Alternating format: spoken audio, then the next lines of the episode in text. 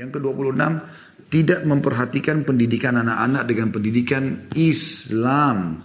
Saya ulangi, tidak memperhatikan pendidikan anak-anak dengan pendidikan Islam yang terbebas dari syubhat, yang samar-samar, yang bisa membawa dia jauh dari agamanya, dan prinsip-prinsip yang masuk kepada kita dari musuh umat Islam. Sebagai contoh kata beliau, di halaman 54.26 ya, seorang ibu menganggap menganggap ringan dalam membeli pakaian untuk anak-anaknya, lalu ia membeli pakaian pendek, pakaian yang memuat kata-kata asing yang mungkin berseberangan dengan ajaran-ajaran Islam, pakaian yang terdapat gambar-gambar yang diharamkan atau simbol Kristen seperti salib atau yaitu salib.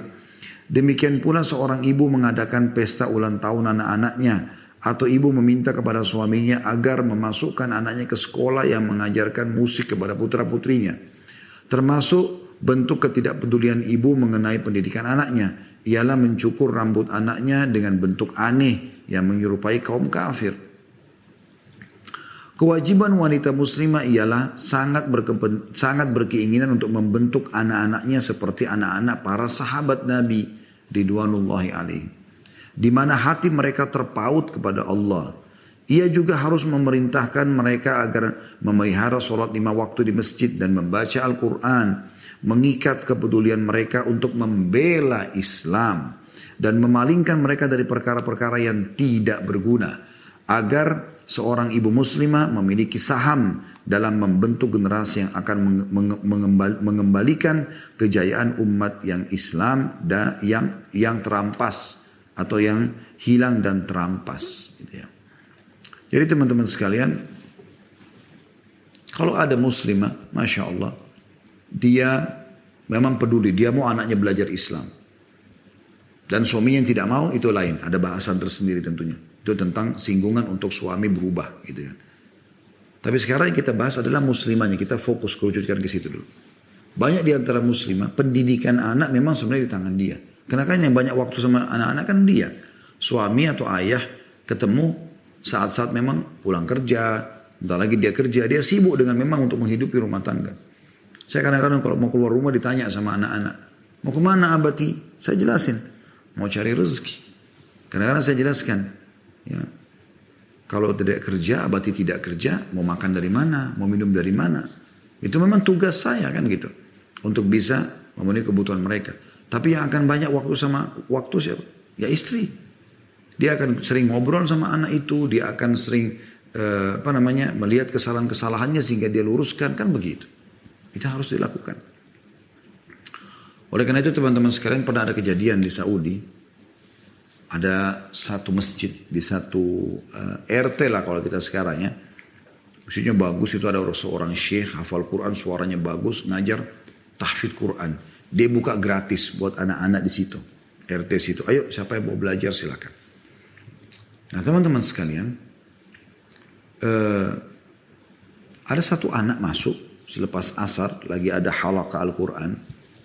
Dia masuk, syekhnya lagi mengajar tahsin dulu memperbaiki bacaan, baru kemudian masuk ke tahfidnya, hafalannya ya. Waktu anak itu duduk, baru baru kelihatan da, da, sebelumnya tidak pernah terlihat di RT situ lah. Kemudian dia ikut duduk, seakan-akan dia mau ikut mengaji. Syekhnya dia biarkan saja. Tiba gira anak itu mengaji, bacanya bagus sekali anak ini. Umurnya masih kelas 1 SD, 6-7 tahun.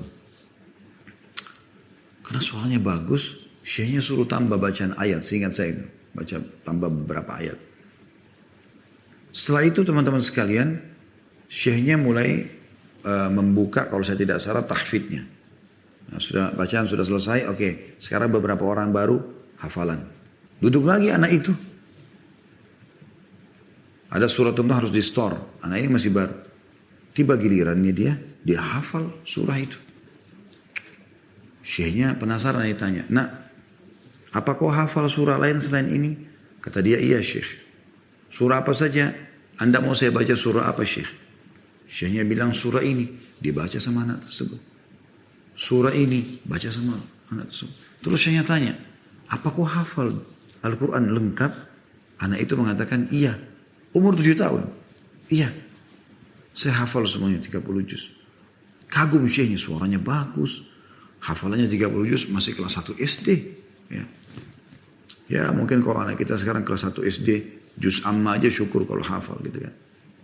Karena memang orang tuanya selalu jadikan tolak ukur dirinya dia. Karena dia tidak hafal, maka anaknya juga tidak apa-apa nggak hafal. Ini keliru, orang tua yang keliru. Harusnya dia harus menutupi kekurangan dia ya dan menyempurnakan di anaknya. Kalau dia baru bisa ngaji umur 35 tahun, 40 tahun, ya anaknya sekarang harusnya sudah hafal Quran di umur 7 tahun, kan harusnya begitu. Yang jelas teman-teman sekalian, kata syekhnya saya ingin ketemu sama ayahmu. Dia bilang baik. Kami baru pindah kata anak ini di sekitar sini, dekat sini. Dan memang baru kemarin kami pindah, jadi baru hari ini saya bisa aktif di masjid. Sebelumnya yang kami tinggal di lokasi lain, saya selalu diajak oleh ayah saya ke masjid. Insya Allah nanti sebentar maghrib saya akan ajak ayah saya ke sini. Karena beliau kerja pulangnya nanti maghrib. Ini kayak cerita maghrib datang ayahnya. Dan ayahnya ini pada saat datang kelihatannya bukan syekhnya ini membayangkan ayahnya ini jenggotnya panjang, ahli ibadah yang luar biasa kelihatan dari performanya gitu kan. Kata ayahnya biasa saja kayak orang kantoran, datang pakai kemeja, ya masih uh, pakainya pakaian orang kantoran umumnya. Nggak ada kelihatan dari seperti orang yang orang masjid atau apa gitu, biasa saja gitu. Yang jelas teman-teman sekarang datang, kemudian dia salam, kenalan sama syekh itu, penalkan nama segala macam. Terus kata syekhnya, saya kagum sama anak anda ini. Saya pengen tahu bagaimana anda mendidiknya. Dia bilang, kata ayahnya anak itu, mungkin anda heran syekh melihat penampilan saya.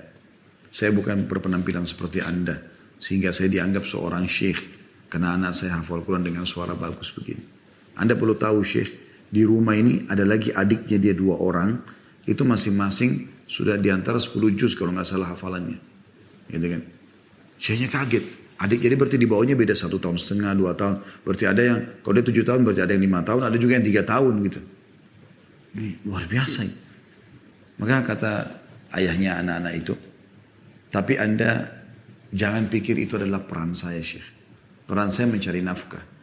Tapi yang membentuk mereka adalah istri saya di rumah. Istri saya Masya Allah cinta sama Al-Quran, inilah hasilnya. Jadi memang yang saya ingin titik beratkan adalah akhir kisah ini. Bagaimana peran ibu sebenarnya dalam rumah tangga. Apa yang ibu tanamkan, itulah yang akan nanti kelihatan pada anak tersebut. Ada banyak ibu-ibu, suaminya sibuk cari nafkah juga sibuk menjadi wanita karir sana sini luar biasa, lupakan anaknya. Bukan tidak boleh jadi wanita karir, tapi anak-anak dibengkalikan. Terus kemudian dibiarkan sama pembantu, lalu anda berharap di tangan pembantu bisa jadi hafal 30 juz Al-Quran. Sangat aneh gitu ya. Kecuali memang anda dapat pembantu dan itu mungkin bisa dihitung jari atau mungkin tidak ada.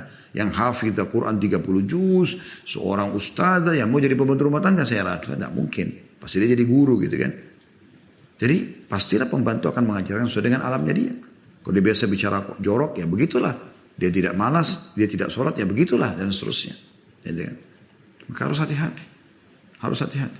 Harus ibu turun tangan sendiri. Itu tanggung jawab utama Sekolahkan mereka di sekolah-sekolah Islam. Selalu beritakan kepada suami atau ayahnya anak ini perkembangannya. Tadi anak kita begini, anak kita begini, anak kita begini. Biar ayahnya merasa, oh iya, selama ini dia cari nafkah di luar itu ternyata ada hasilnya. Gitu. Ya, Anda harus lakukan. Jadi arahkan anak-anak kepada pendidikan agama. Tidak usah lagi mulai sekarang beli-belikan anak-anak baju yang terbuka-buka. Lalu dipuji-puji, oh princess, oh Cinderella, oh ini hebat, cantik. Anak itu jadi bangga dengan pakaian itu. Biasa kan pakai baju yang bagus, muslimah. Di rumah pun baju santai, celana panjang, baju kaos, ya gitu kan. Tapi uh, jangan sampai yang terlalu vulgar gitu ya. Yang maaf kalau bahasa orang dewasa seksi, masih kecil, kemudian dipuji-puji. Sehingga dia bangga dengan itu. Anda lihat efeknya. Kalau Anda biarkan seperti itu, anak-anak nanti akan terbawa sampai dewasa begitu. Ya. Ada salah satu kerabat kami. Dan Alhamdulillah ya, sekarang sudah terjadi perubahan. Tapi ini cukup proses waktu yang lama gitu. Waktu masih SMP anak perempuannya saya sudah ingatkan. Pakaikan jilbab. Gitu kan. Ya, nanti aja kesian masih kecil. Belum balik waktu pas mau balik. Sudah balik, pakaikan jilbab. Saya setiap datang sana, kenapa nggak pakai jilbab? Ini saya ingatkan. Ya nanti aja. Begitu terus. Sampai akhirnya SMA, menjelang kuliah pun nggak pakai jilbab. Terus dia saya diminta datang waktu itu. Dia dikatakan, karena ada hubungan kekerabatan, lalu dikatakan, coba Khalid nasihati. Saya bilang, saya sudah bilang dari dulu. Kalau orang sudah bertemu sama komunitas teman-temannya, dan dia merasa nyaman, semua tidak pakai jilbab, gitu-gitu kan. Maka beginilah keadaannya. Beginilah keadaan. Susah. Kita harus bisa mengalahkan komunitas dia untuk membentuk dia. Kenapa nggak dari kecil dipakai jilbab? Sampai istri saya pernah bilang, ini anak-anak nanti kalau sudah gadis, kita pakai jilbab aja nggak usah pakai cadar. Saya bilang jangan campur urusan itu. Jangan campur. Anak saya akan tutup aurat sempurna insya Allah. Kecantikan yang Allah berikan bukan untuk dipamer sana sini. Tetapi untuk dijaga.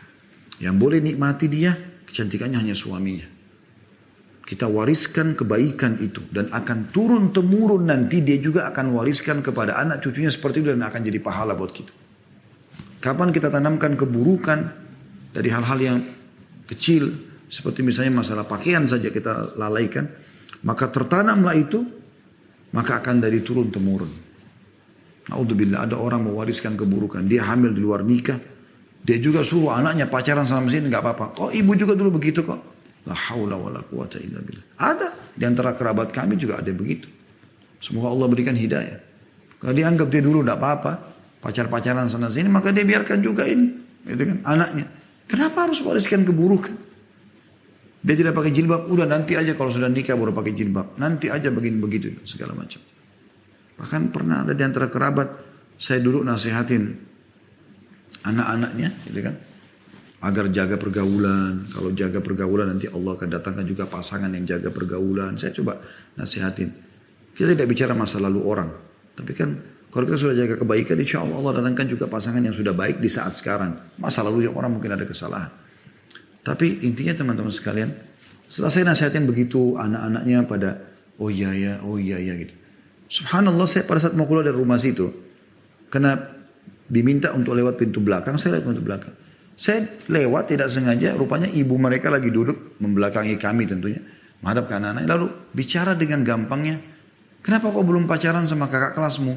Kenapa kau belum bawa pacarmu ke sini? Kenapa? Kenapa? Bahasa-bahasa mirip dengan itulah kurang lebih. Oh, subhanallah. Kita sampaikan nasihat yang baik malah orang tuanya sendiri yang sengaja membuat dia sesat gitu kan. Dan ternyata betul terjadi. Pergaulan bebas sering dalam rumah tangganya. Sering memusingkan orang tuanya. Pulang tengah malam anaknya. Karena itu pendidikannya ditanamkan. Ada juga di antara kerabat kami begitu. Anaknya dulu selalu di rumah Masya Allah. Pulang sekolah di rumah. Bakti sama orang tuanya. Orang tuanya bingung. Ini anak ini masalah nggak begini. Kayaknya tidak bergaul nih sama teman-temannya. Mulai dibukakan pintu pergaulan bebas. Yang tadinya subhanallah sudah bagus di rumah. Akhirnya setelah dibuka pergaulan bebas sudah kenal. Sama nasibnya. Keluar malam, ke diskotik, ke karaoke, barang bebas, minuman keras, rokok. Kena lah akhirnya. Walaupun mungkin tidak semua itu ya, tapi kelihatan seperti itu. Akhirnya pulang malam, pusinglah orang tuanya. Kenapa pusingkan diri? Kenapa nggak bentuk kader-kader Islam yang robbani? Kenapa? Itu di tangannya ibu kental sekali. Ajarkan mereka mengaji. Buat mereka kita bangga dengan tilawah Al-Qur'annya yang indah, hafalannya yang lengkap 30 juz, sholat malamnya yang tidak tertinggal, lisannya yang jujur, pakaiannya yang tertutup, kan begitu. Itu yang dimaksudkan di sini. Poin ke-26. Poin ke-27 ini juga masih masalah uh, rumah tangga tentunya ya.